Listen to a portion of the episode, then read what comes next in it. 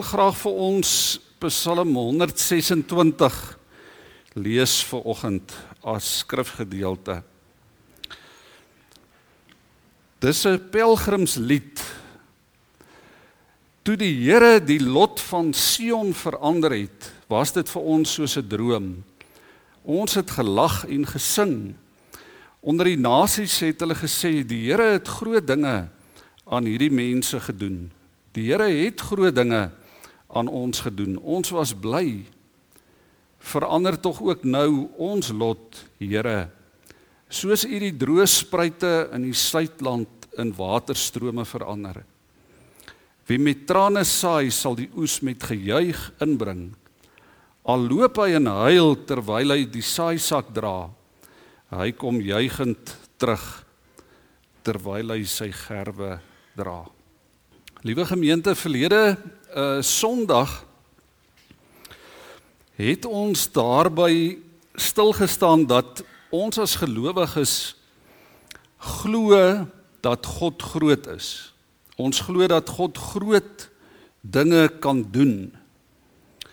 En dat God spesifiek groot dinge doen in ons persoonlike lewens, in ons omstandighede, in ons gesinne, in ons familiekringe, in ons huwelike, by ons werkplekke, in ons finansies, daar waar ons elke dag besig is in ons gemeenskappe, in ons dorp, in ons land.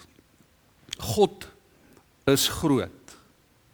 Bely ons as gelowiges. Ons het ook gehoor dat geloof is soos 'n mosterdsaadjie wat in die grond val en deur die krag van God se woord in sy gees groei dit en dit dra vrugte.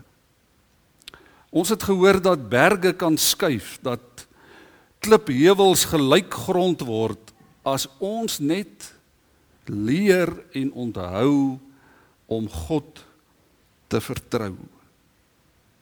As ons swak is, is ons sterk in die Here.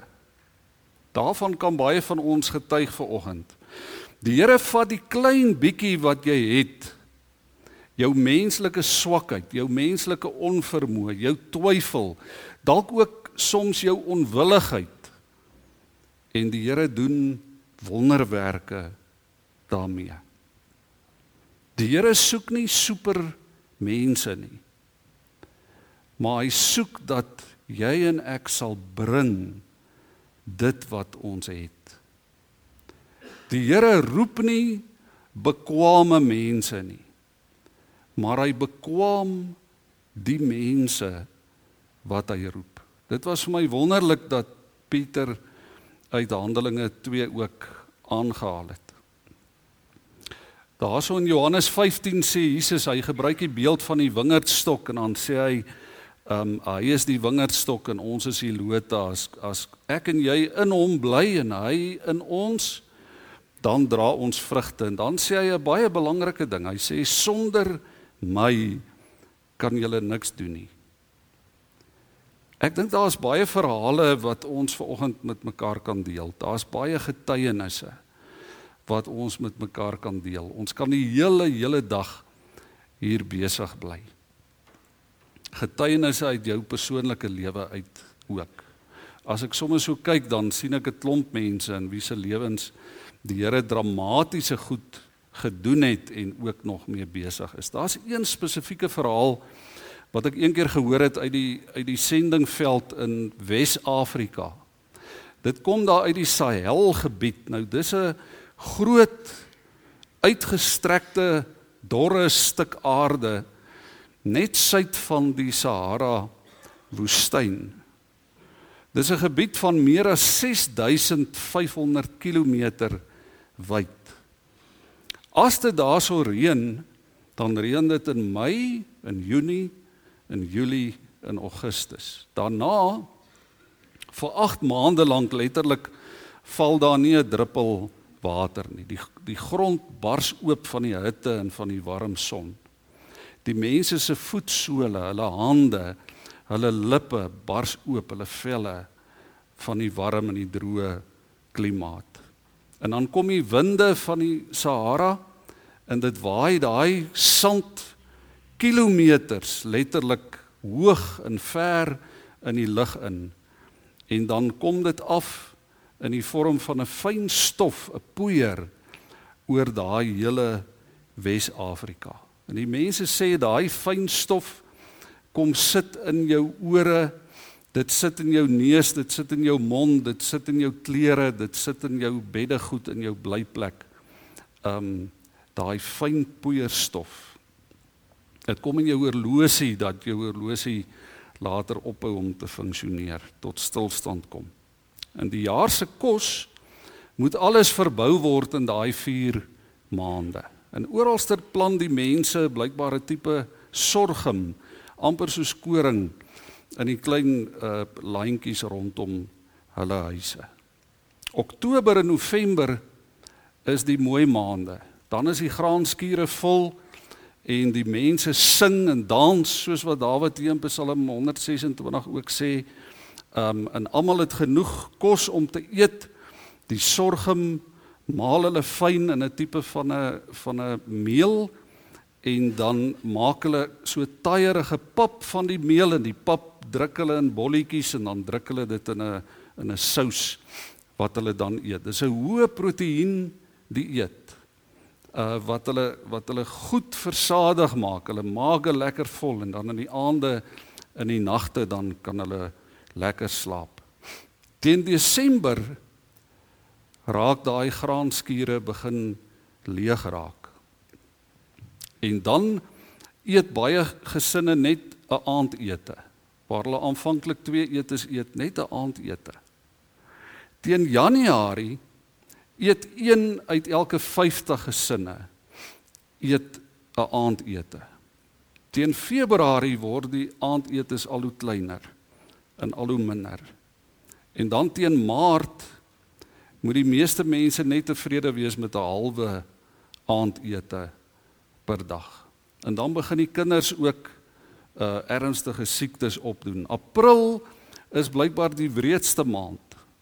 Dan is daar amper niks meer oor om te eet nie. In die nag hoor jy oralster klein babietjies wat huil van die honger en van siekte. Baie dae gaan verby wanneer die meeste mense net 'n bekertjie melkpap het om in die aande te eet. En dan sê die storie eendag ehm um, eendag kom daar 'n klein seentjie van 7 jaar kom baie opgewonde by sy pa aangehardloop en hy roep pappa pappa ons het meel ons het meel. En die pa sê vir hom sê dadelik vir hom maar jy weet mos ons het nou al vir weke lank het ons niks meel nie. En die seentjie sê pappa nee maar ons het Ons het meel, kom ek gaan wys vir pappa en hy gryp hom aan sy arm en hy trek hom na die skuur toe. En hy wys vir hom 'n sak wat oor een van die balke daar in die skuur hang en hy sê pappa, ek het my hand, my arm daar in die meel in die in die sak ingedruk en daar's baie graan in daai sak. Gaan sê vir mamma, sy moet vandag nog vir ons meel maak sodat ons kan eet in ons magies lekker vol kan word en ons vanaand lekker kan slaap. En toe die pa sy sy woorde terugkry, toe sê hy: "Maar my kind, ons kan dit nie doen nie. Want dis volgende jaar se graan. As ons nou daai graan opeet en meel daarvan maak, dan gaan ons verseker doodgaan van die honger." Kom ons wag tot die reën kom. En dan gebruik ons dit. In teen teen my maand so 'n week voor die reën kom. Toe sien daai seentjie met skok en met ongeloof hoe die pa die sak meel daar van die balk gaan of die sak graan gaan afhaal. En toe doen daai pa die mees onlogiese ding wat vir so 'n klein seentjie heeltemal onmoontlik is om te verstaan. Die pa vat die sak graan en hy stap na die land toe en hy steek sy hand in daai sak en hy gooi die saad eenvoudig net weg. Hy strooi dit uit in daai droë stof. Hoekom doen hy dit? Omdat hy glo in die oes.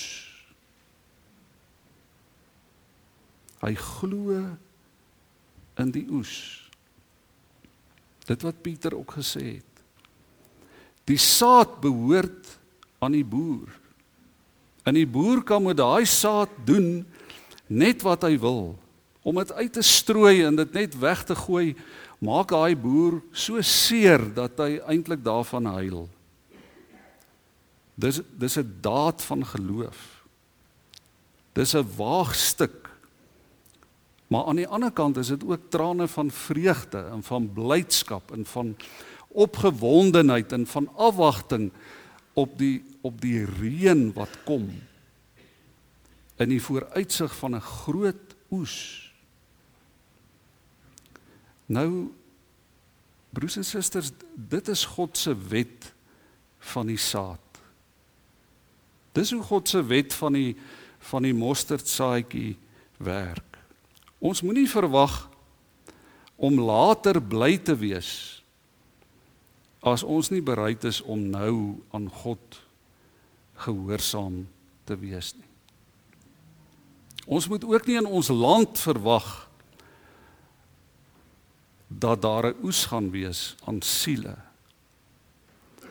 as ons nie bereid is om die saad in die grond te laat val nie. As ons glo in God As ons glo dat God groot dinge doen en groot dinge kan doen en ons kan getuig daarvan as ons glo in God se oes dan moet ons bereid wees om te gee en te doen dit wat God van ons vra. Al maak dit baie keer vir ons glad nie sin nie. Al kan ons nog nie die uitkomste sien nie, al kos dit trane, al kos dit moeite en geduld in volharding in getrouheid in baie gebed en weer en weer en weer probeer. Dis ons roeping. Dis ons roeping in die kerk. Dis ons roeping as gemeentes, dis ons roeping as elke individuele bekeerde gelowige om aan God gehoorsaam te wees om die saad uit te strooi. En waar saai ons? Ons saai tog hier reg rondom ons. Dit is waar ons roeping om te saai begin. Ons saai in die lewens van ons kinders en van ons kleinkinders en van ons familie en van ons vriende en van die mense wat saam met ons werk en wat saam met ons bly en wat saam met ons lewe. En as die Here vir ons so wonderlik seën dat ons lang arms kan hê, dan saai ons ook verder en ons saai ook wyer as dit. Maar dit bly ons roeping. Ons verantwoordelikheid is om die wêreld rondom ons te seën vir mense daar buite maak dit dalk nie sin nie. Maar die gees van God kom Handelinge 2 en sê God sal sorg dat dit groei. God sal vir jou die woorde vir jou en vir my in ons mond gee, in ons harte. Die vuur van die Heilige Gees. Kom ons sê dan nou ons noem dit tale. Om om in om in taal verstaanbaar te kan sê te kan vertel van die liefde van God van hoe groot God vir jou en vir my is. Ons moet net gehoorsaam wees. Wees net gehoorsaam. Bly net gehoorsaam. God se saad groei. Dit dra vrug tot in die ewigheid. Amen